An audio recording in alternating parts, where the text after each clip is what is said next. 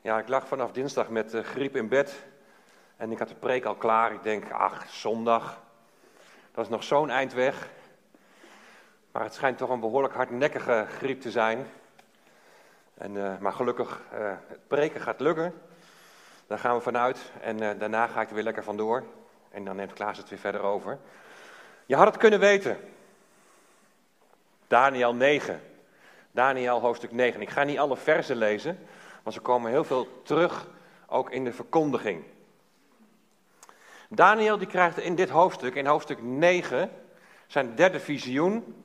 En dat visioen dat gaat over 70 weken. En je ziet hier in vers 24, daar zie je voor het eerst zie je 70 weken staan. Nou, letterlijk staat er in het Hebreeuws voor weken, staat er zevens. Dus letterlijk zeven zevens. Dus als er 70 weken staat, dan moet je eigenlijk lezen 7 keer 70 jaar is 490 jaar. 490 jaar zijn er bepaald over uw volk en uw heilige stad. 490 jaar. Die, die 490 jaar moet je vertellen van, tellen vanaf het moment dat er een bevel is uitgegaan om Jeruzalem te herbouwen. Maar dat jaartal staat niet in de Bijbel. Nou, hierna worden, in de, worden die 70 weken worden opgeknipt in 7, in 62 en dan één week. Nou, om te controleren of de gebeurtenissen en de genoemde jaarweken die daarbij worden genoemd met elkaar overeenstemmen, moet je dus weten wanneer dat bevel is uitgegaan. Maar het staat er niet. Dus het is best wel heel lastig. Nou, ik zal even uitleggen hoe zo'n berekening, hoe dat nou werkt. En ik lees daartoe uit de kronieken van de fontein in Emmeloord. Dus ik neem even een heel ander voorbeeld, maar om mij even een beeld te geven van hoe gaat dat nou eens met zo'n berekening. En aan het eind daarvan ga ik een vraag stellen, en dat is een prijsvraag. En wie die vraag goed heeft, die krijgt de reep van de week. En als niemand het antwoord weet, dan eet ik hem zelf op. Hem, ik hou hem even niet van chocola. En Karen die houdt wel van chocola, maar die mag geen chocola meer, want die zit bij de connectgroep voor voeding. Dus ja. Komt vast goed. Let op. Je moet wel eventjes goed opletten. Want het is niet echt heel makkelijk. Misschien moet je wel even wat opschrijven of met notities maken, maar het is geen makkelijke. Zeven weken. Ik zal je nog even helpen. Dat is dus 49 jaar, hè? 7 keer 7. Zeven weken en twee dagen na zijn geboorte krijgt Bet Boer, zoon van Zwierboer, een beroep om voorganger te worden in de fontein in Emmeloord. Op het moment dat zijn contract ingaat als voorganger van de fontein, krijgt Klaas een visioen. En het visioen is dat Bert na één week, één jaar, vijf maanden en vijf dagen zal preken over Daniel hoofdstuk 9. Ja, we weten nu dat dit 5 februari 2023 is. Nu weet je ook wanneer ingangdatum contract is. Want dan kun je zo terugrekenen, toch? 5 februari min, wat had ik ook alweer gezegd, vijf dagen, zit je aan het begin van de maand. En dan, even kijken hoor, Eén, vijf maanden, één jaar, één week, zeven jaar, acht jaar. 1, ik zal je helpen, 1 september 2014.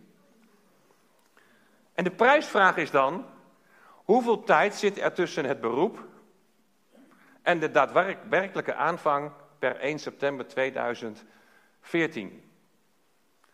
En de vraag is, welke datum en welk jaartal moet je dan nog weten? Wat ontbreekt er dan nog? En bij Daniel ontbrak er dus ook wat een jaartal van wanneer is het nou uitgegaan, dat, die oproep om, te, om Jeruzalem te herbouwen. Maar hier ontbreekt ook nog iets. Wat moet je nou nog weten om het goede antwoord te kunnen geven? Ja, precies. Geboortejaar, geboortedatum. Nou, als je dat van tevoren had geweten, dan had je me van tevoren vanmorgen al gefeliciteerd.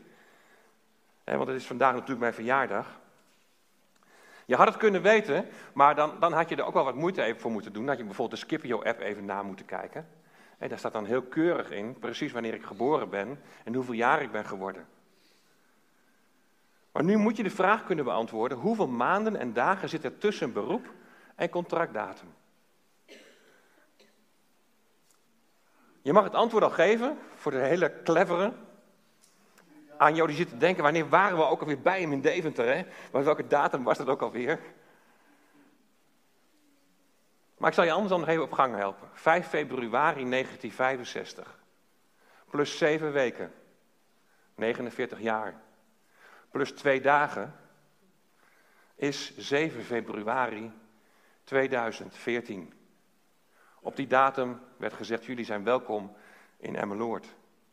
Dus hoeveel maanden en dagen zitten er tussen het beroep en de ingangsdatum van het contract? Nou jongens, ik val me wel een beetje tegen hoor. Ik had wel iets, iets sneller antwoord verwacht. Wat zei je? Zeven maanden? Nee.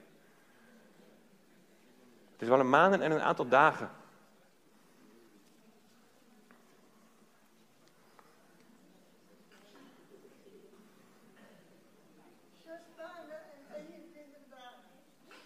Je zit wel heel dichtbij. Je zit heel dichtbij. Maar als niemand verder het antwoord weet, dan ga ik deze goedkeuren.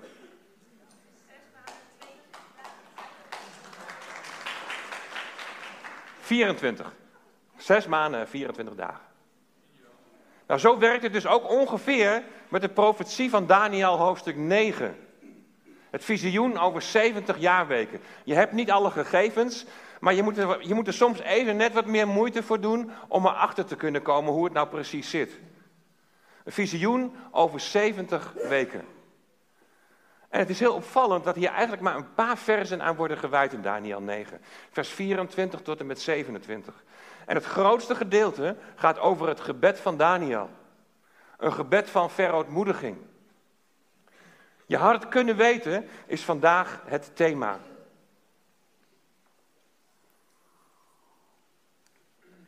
En we komen dat tegen in relatie tot het gebed van Daniel.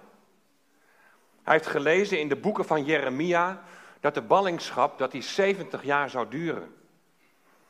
En je kunt daarover lezen in Jeremia 25. Je kunt daarover lezen in Jeremia 29. En je zou misschien verwachten dat Daniel een gat in de lucht springt. Want hij, dat heb ik tenminste een beetje zo onderzocht, je moet er wel wat voor doen, want hij is inmiddels al zo'n 67 jaar in Babel. Nog drie jaar inpakken en wegwezen en met z'n allen naar huis. Dat hij dat nog op zijn oude dag mag meemaken. Want hij is inmiddels 80-plusser. Maar dat is niet de reactie van Daniel. Hij gaat bidden en vasten in zak en as. En dat was toen de manier om je te verootmoedigen. Waarom doet Daniel dit?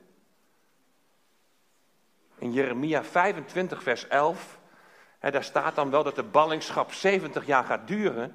Maar als je nou eens die versen daarvoor leest, en die heeft Daniel ongetwijfeld ook gelezen, dan zie je wat tot die ballingschap heeft geleid. En dan moet je eens kijken wat hij tegen het volk Juda zegt. Dan zegt hij in Jeremia 25, ze, dat zijn de profeten, en die zeiden: geef je verdorven levenswandel op. Breek met je kwalijke praktijken. Dan mogen jullie in het land blijven wonen dat de Heer jullie en je voorouders gegeven heeft voor altijd en eeuwig. Loop niet achter andere goden aan. Dien ze niet en buig je niet voor hen neer. Terg mij niet met wat je zelf gemaakt hebt dan zal ik jullie met niet met onheil treffen. Maar jullie hebben niet naar mij geluisterd, spreekt de Heer. Jullie hebben mij getergd met wat jullie zelf gemaakt hebben tot jullie eigen ondergang. Waarschuwing na waarschuwing om hun zondige leefwijze op te geven. Ze hadden het kunnen weten dat dit niet goed af zou lopen. Volk van Juda, je had het kunnen weten. Het Noordrijk Israël is jullie al voorgegaan in ballingschap. Was die waarschuwing niet genoeg? En je had het kunnen weten, want in de wet van, van Mozes staat precies beschreven in Leviticus 26 en in Deuteronomium 28 over de zegen en de vloek, wat de gevolgen van ongehoorzaamheid zijn. Als jullie ongehoorzaam zijn, zo staat het duidelijk beschreven, dan worden jullie uit het land gezet. Je had het kunnen weten. Je had het kunnen weten dat het volgende oordeel dan het gevolg is.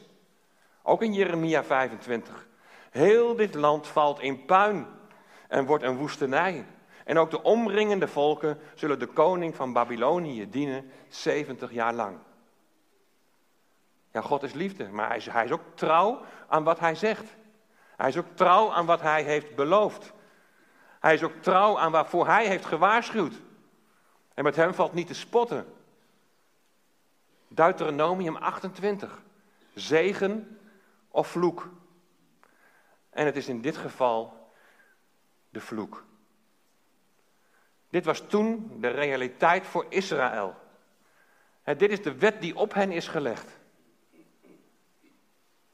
Maar twee hoofdstukken verder, dan volgen beloften als het volk zich bekeert.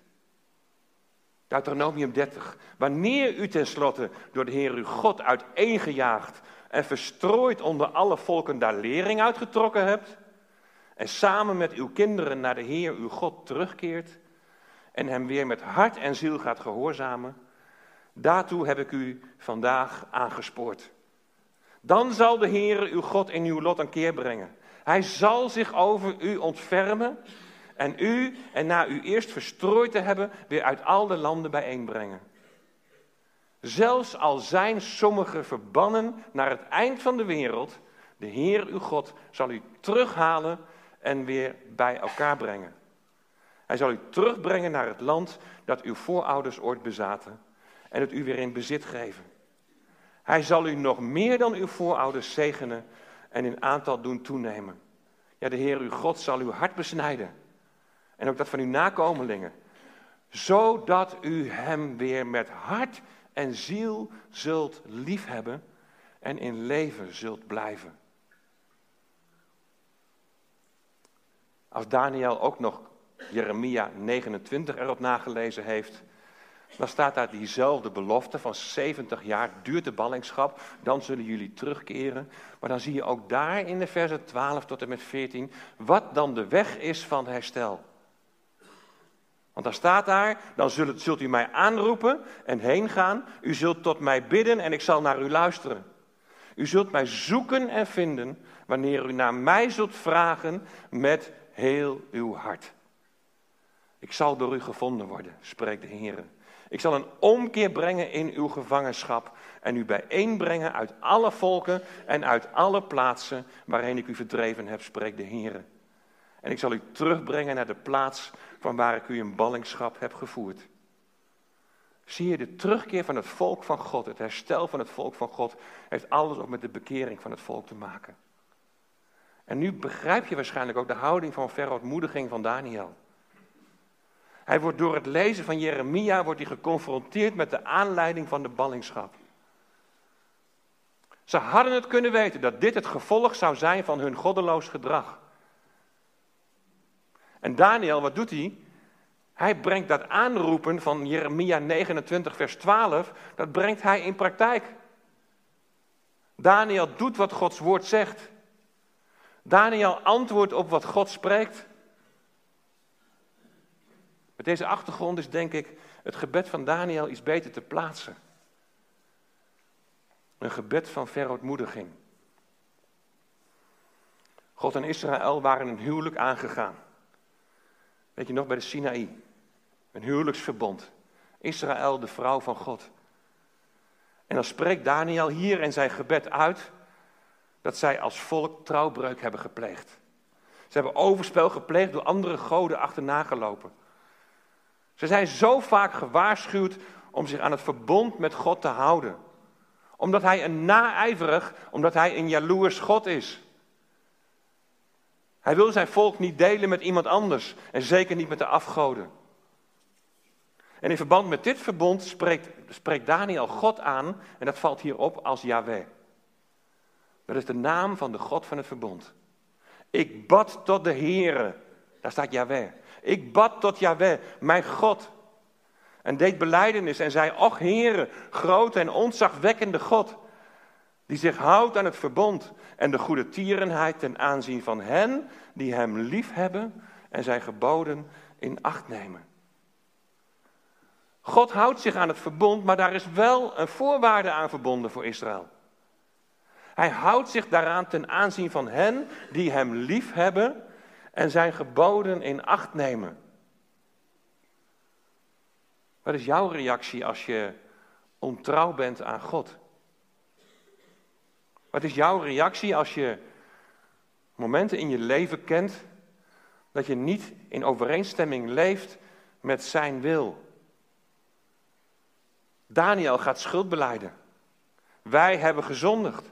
Wij hebben onrecht gedaan. Wij hebben goddeloos gehandeld. We zijn in opstand gekomen door af te wijken van uw geboden en bepalingen. We hebben niet geluisterd naar uw dienaren, de profeten, die in uw naam spraken tot onze koningen, onze vorsten en onze vaderen en tot heel de bevolking van het land. Er is sprake van een diepe schaamte. Heel Israël heeft uw wet overtreden en is afgeweken door niet te luisteren naar uw stem. Daarom is over ons de vervloeking en de eed uitgegoten, die beschreven is in de wet van Mozes, de dienaar van God, want wij hebben tegen hem gezondigd. Zie je, hier zie je die verwijzing naar Leviticus 26 en Deuteronomium 28, de zegen en de vloek, de wet van Mozes. En Daniel, die bidt in de wijvorm. Wij hebben gezondigd. Hij bidt als een middelaar tussen God en zijn volk. Hij gaat op de bres staan. Kunnen wij iets leren van dit gebed in relatie tot ons van God losgeslagen land? De van God losgeslagen wereld. En zie je op de een of andere manier overeenkomst. Wat hebben we gelezen? In Jeremia 25, vers 7. Het volk van Juda heeft God getergd met wat zij zelf gemaakt hebben, wat tot hun ondergang leidt. Wat zij zelf gemaakt hebben, dat kan slaan op het maken van de afgodsbeelden.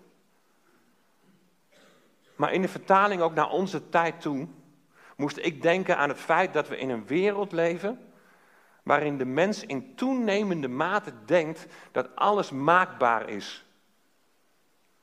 En waar net als bij de torenbouw van Babel de mens zich een naam wil maken. Een wereld waar God terzijde is geschoven. En dat heeft alles, maar dan ook alles met afgoderij te maken. Dus wel zeker een vergelijk.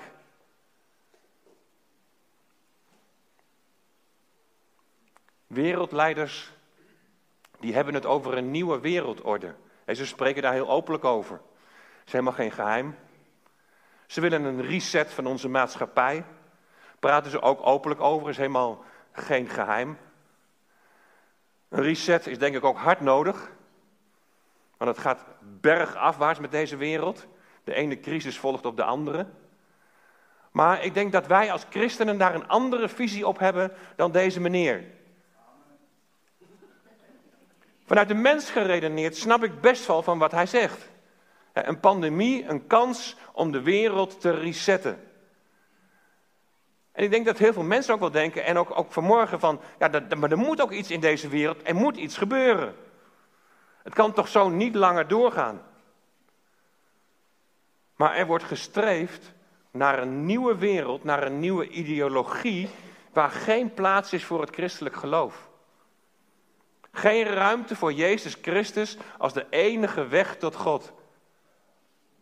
Babel keert terug op het wereldtoneel. En Babel houdt in één wereldreligie. De hoer van Babel, zo wordt het beschreven in openbaring. De Abrahamitische geloven, christendom, jodendom en islam, die moeten gaan samensmelten. Er is een agenda 2030. En daar worden op zich, je kunt ze daar allemaal zien staan, er worden hele goede doelen nagestreefd. Geen armoede, geen honger, iedereen gelijk onderwijs, et cetera, et cetera. Het ideaalplaatje van de wereld maar ingericht door mensen die met God geen rekening houden. En dat moet allemaal over zeven jaar worden gerealiseerd. Over zeven jaar, 2030. Dan kan niet iedereen zomaar zijn gang gaan, want anders kun je niet in zo'n korte tijd zoiets realiseren. Er zal en er moet meer controle zijn. ID 2020. Een wereldwijd plan dat volop in uitvoering is met de bedoeling dat straks alle wereldburgers zijn voorzien van een digitale ID. En dan is iedereen traceerbaar, bestuurbaar en beïnvloedbaar. Ver van ons bedshow? Nou, vergeet het maar. Men is al bezig met de implementatie van financiële systemen op basis van beloning en straf. Wie voldoet aan de doelstelling van de Agenda 2030, zoals verduurzaming, die krijgt punten en wie niet voldoet, die krijgt straf. Smart Citizen Wallet noemen ze dat. Gefinancierd door de Europese Unie. In Nederland wordt door het World Economic Forum, ja je hoort het goed, wordt als eerste in Apeldoorn het concept uitgerold om smart city te zijn. 500 kastjes met sensoren zijn geplaatst aan lantaarnpalen die Apeldoornse burgers overal kunnen volgen. Mijn zwager en schoonzus die hebben er tegenover hun huis al één op de lantaarnpaal. En natuurlijk allemaal met goede bedoelingen.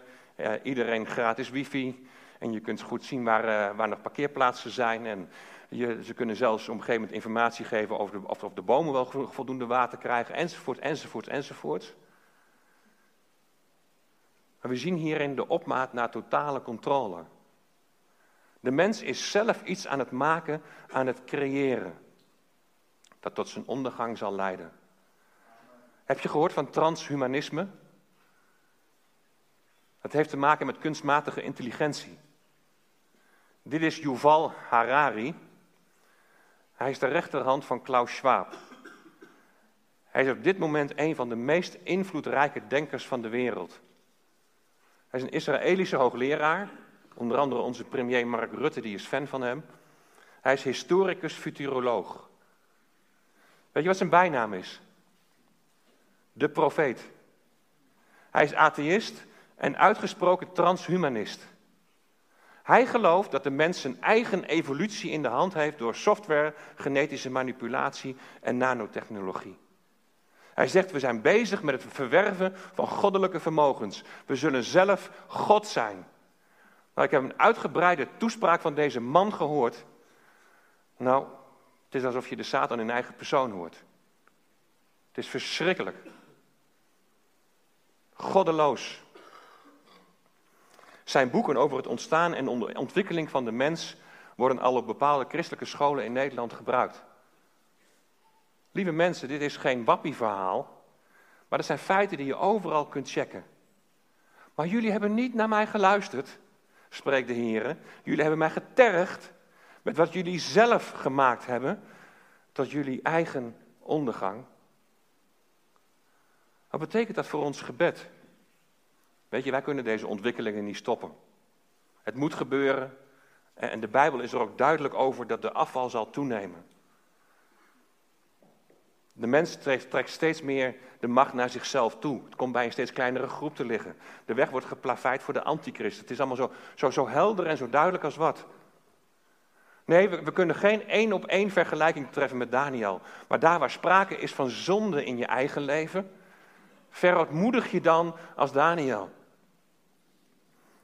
Voor de afval in deze wereld en voor alle ontwikkelingen mogen we ook wij tot God roepen van waar gaat het in ons land en in deze wereld naartoe? Heren, wij hebben gezondigd.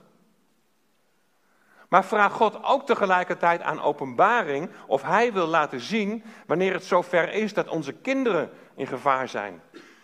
Als zij vergiftigd worden met idealen die, die ver buiten de Bijbel liggen. Weet je, het heeft geen zin om er tegen te strijden. Maar je kunt je wel de vraag stellen: welk vast fundament heb je als ouders, als gemeente, je kinderen meegegeven, zodat zij kunnen onderscheiden als iets niet van God is? In hoeverre hebben we ze weerbaar gemaakt? Weet je, dit is geen bangmakerij, maar een oproep tot, tot waakzaamheid, een oproep tot volharding. De boodschap van het boek Daniel is juist dat we helemaal niet bang hoeven te zijn. En wereldleiders die vertonen voortdurend hun macht. En we hebben in Daniel al heel wat wereldrijken voorbij zien komen. Maar ze zijn ook allemaal weer voorbij gegaan. En de steen van Daniel 2 zal uiteindelijk losraken. En dan zal alle menselijke afgoderij zal teniet gedaan worden. En het koninkrijk van de Messias komt hier op aarde. Dat is de boodschap van het boek Daniel. Steeds weer, ieder hoofdstuk. We kunnen het niet stoppen. De ontwikkelingen gaan nu in een sneltreinvaart. En wij weten dat die sneltrein zal eindigen in Jeruzalem. Want vanuit Jeruzalem zal de Messias regeren. Daar houden wij rekening mee. Weet je trouwens dat er al een spoorlijn wordt aangelegd van Tel Aviv naar Jeruzalem? Met het idee dat mensen straks de derde tempel kunnen bezoeken? Weet je, als Daniel zich verootmoedigt, dan gaat hem er niet in de eerste plaats om dat hij en de bevolking van Juda zoveel mogelijk bespaard zullen blijven voor onheil en, en dat ze veilig mogen terugkeren. Ook natuurlijk. Maar het gaat hem in de allereerste plaats gaat het hem om de eer van God. God heeft zich een naam gemaakt en, en die is verbonden met zijn volk en is verbonden met de stad Jeruzalem.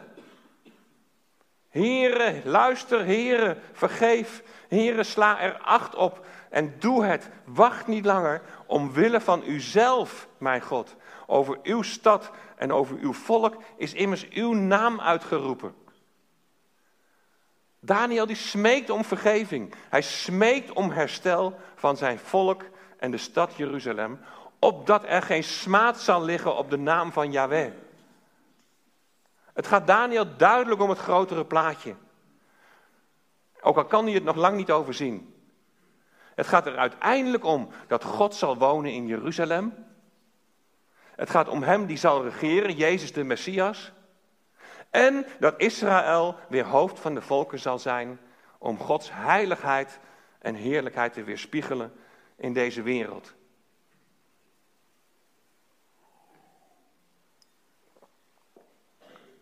God gaat antwoorden op het gebed van Daniel. En als Daniel begint te bidden, dan gaat er al een woord van God uit en zendt hij zijn boodschapper, de engel Gabriel. Als je gaat bidden, dan komt er iets in beweging in de hemelse gewesten. Wat precies, nou laat dat maar aan God over. Maar wees je er wel van bewust. En dan komt die geweldige profetie van de 70 jaarweken. Deze profetie wordt ook wel de ruggengraat van de profetie genoemd. En de uitleg van deze profetie is bepalend van hoe je aankijkt naar het vervolg van Gods plan vanaf het moment dat ze toestemming krijgen om Jeruzalem te herbouwen, tot het moment dat Jezus de Messias zal regeren in Jeruzalem. Vers 24 tot en met 27 geven daar antwoord op. En het begint met 70 weken, 490 jaar dus, zijn er bepaald over uw volk en uw heilige stad. Bedenk je goed, het hele boek Daniel gaat niet over ons. Het gaat over Gods volk. Het gaat over Jeruzalem. En wat zal er na die 490 jaar voor hen als volk zijn gebeurd? De overtredingen zullen zijn beëindigd. De zonden zijn dan verzegeld. De ongerechtigheden verzoend. Er zal een eeuwige gerechtigheid tot stand zijn gebracht. Om visioen en profeet te verzegelen. Om de heiligheid van heiligheden te zalven. Let op. Er staat dus niet wanneer al deze dingen in vervulling zullen zijn gegaan voor die individuele Joden en individuele heidenen die tot geloof zijn gekomen. Nee, dat het voor Israël als volk en de stad Jeruzalem in vervulling zal zijn gegaan. En dit is nog niet gebeurd. We gaan verder lezen in vers 25. U moet weten en begrijpen, vanaf de tijd dat het woord uitgaat, ga maar even uit van 445 voor Christus, om te laten terugkeren en om Jeruzalem te herbouwen, tot op Messias de vorst verstrijken er zeven weken en 62 weken. Dus als het woord uitgaat om terug te keren uit de ballingschap, zal na zeven jaarweken, na 49 jaar dus, zal de herbouw van Jeruzalem helemaal klaar zijn. Plein en gracht zullen opnieuw gebouwd worden, maar wel in benauwde tijden. Nou, dat klopt, want ze zijn behoorlijk tegengewerkt. En dan na 62 weken, dat is 434 jaar later, In totaal 483 jaar. En er blijft er nog zeven jaar over. Nadat het woord is uitgegaan van de Messias, eh, of wanneer het woord is uitgegaan, is de Messias aanwezig. Maar staat er in vers 26, de Messias zal uitgeroeid worden, maar het zal niet voor hemzelf zijn. Nou, die berekening hou je nog te goed voor de onderwijsavond. Maar er is iemand die heel nauwkeurig berekening heeft gedaan. En die komt met 69 weken precies uit op de dag van de intocht van Jezus in Jeruzalem. En na die 69 weken, vier dagen later, wordt Jezus gekruisigd. Maar het zal niet voor hemzelf zijn, staat hier. Letterlijk staat er eigenlijk, er blijft niets voor hem. Daarmee bedoelen we, hij wordt niet als koning aanvaard. En zijn koninkrijk hier op aarde wordt op dat moment niet gevestigd. Nee, een volk van een vorst, een volk dat komen zal, zal de stad en het heiligdom te gronden richten. Het einde ervan zal zijn in de overstromende vloed. Dat is in 70 na Christus gebeurd. De verwoesting van Jeruzalem en de tempel door de vorst Titus van Rome. Weet je, tot nu toe is alles precies zoals aan Daniel is voorzegd, is het allemaal in vervulling gegaan. Het is toch wonderlijk dat Daniel in 539 voor Christus, dat is het eerste jaar van Darius, dat hij daar al voorgeschoteld krijgt hoe vanaf dat moment van 445 voor Christus, hoe de, hoe de 483 jaar daarna exact zullen verlopen en dat wij kunnen zeggen, ja, het is inderdaad ook precies zo gegaan. Het loopt uit op de kruisiging van de Messias. Hij die in de eerste plaats zijn leven gaf voor zijn volk om, om hen met God te verzoenen. Maar die verzoening moet je wel aanvaarden. En we weten dat dit niet is gebeurd. Vers 27 gaat over de laatste jaarweek. die is opgeschort. Die moet nog plaatsvinden. En aan het einde van die zeven jaar, dan zal de Heer Jezus terugkomen. En dan zal Hij regeren in Jeruzalem. En dan zal Daniel 9, vers 24, weet je nog wel dat hele rijtje? Dat zal dan in vervulling gaan voor het hele volk en de stad Jeruzalem. Dan zal de heiligheid van heiligheden gezalfd worden. Dan zal Jezus koning zijn. Weet je, Gods plan gaat door. De ontwikkelingen in deze wereld gaan door. En, en we kunnen ze zo naast elkaar leggen. Het enige wat je kunt doen, het belangrijkste wat je kunt doen, is gewoon heel dicht bij de Heer leven. Leef in de verwachting dat op een dag de bazuin zal klinken. En dan zullen we samen met hen die al gestorven zijn, zullen we een lichamelijke opstanding beleven. En zullen we de Heer tegemoet gaan in de lucht om voor altijd bij Hem te zijn. Je had het kunnen weten. Je hebt vandaag gehoord over ontwikkelingen in deze wereld.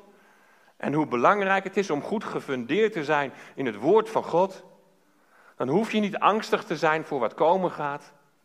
En zo leer je op Hem vertrouwen. Je had het kunnen weten hoe belangrijk het is om daar tijd en energie in te steken. En daar hebben we ook elkaar bij nodig. Connect. Verbinding, relatie. Het is zo essentieel. Bemoedig elkaar, onderwijs elkaar. Je hebt op 5 februari 2023 gehoord hoe belangrijk het is om je aan God toe te wijden en een werkelijk een volgeling van de Heer Jezus te zijn. Doch er is niets voor Hem. Nog geen koninkrijk hier op aarde. Maar is Hij koning van jouw hart? Heb je met je hele hart gezongen? Majesteit, koning in eeuwigheid. U koning van mijn hart. 70 jaar geleden werden ze in Zeeland opgeschrikt door het hoge water. En velen waren er niet op voorbereid. Ben jij voorbereid als de storm opsteekt? Het zal toch niet zo zijn dat je dan moet zeggen: Ja, er is niets voor hem. Ik heb alleen maar aan mezelf gedacht. Ik heb de geestelijke opvoeding van mijn kinderen niet echt serieus genomen. En nu worden ze losgelaten in een wereld waar de mens zich een naam wil maken. En wat hebben ze dan aan onderscheidingsvermogen? En hoe weerbaar heb ik ze dan gemaakt?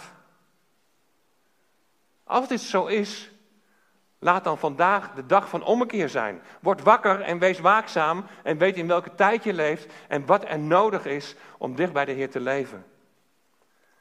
buig je voor God. Verootmoedig je voor Hem. En als het nodig is, bid om geestelijk herstel in je leven. En dat is een herstel wat Hij wil bewerken. Weet je, en dan hoef je niet bang te zijn voor de storm. Dat is de boodschap van het boek Daniel. Koninkrijken komen, koninkrijken gaan, heersers komen en heersers gaan. Oh ja, en we zullen daar misschien best wel onder lijden. Maar uiteindelijk is er één die koning is. Is er eentje die koning zal zijn. En aan hem hebben we ons toevertrouwd. Heer, ons leven ligt in uw hand. Dan hoef je niet bang te zijn voor de storm. Het lied dat we nu gaan zingen is een lied van overgave. En van afhankelijk willen zijn. Ik hef mijn ogen op naar de bergen. Waar komt mijn hulp vandaan?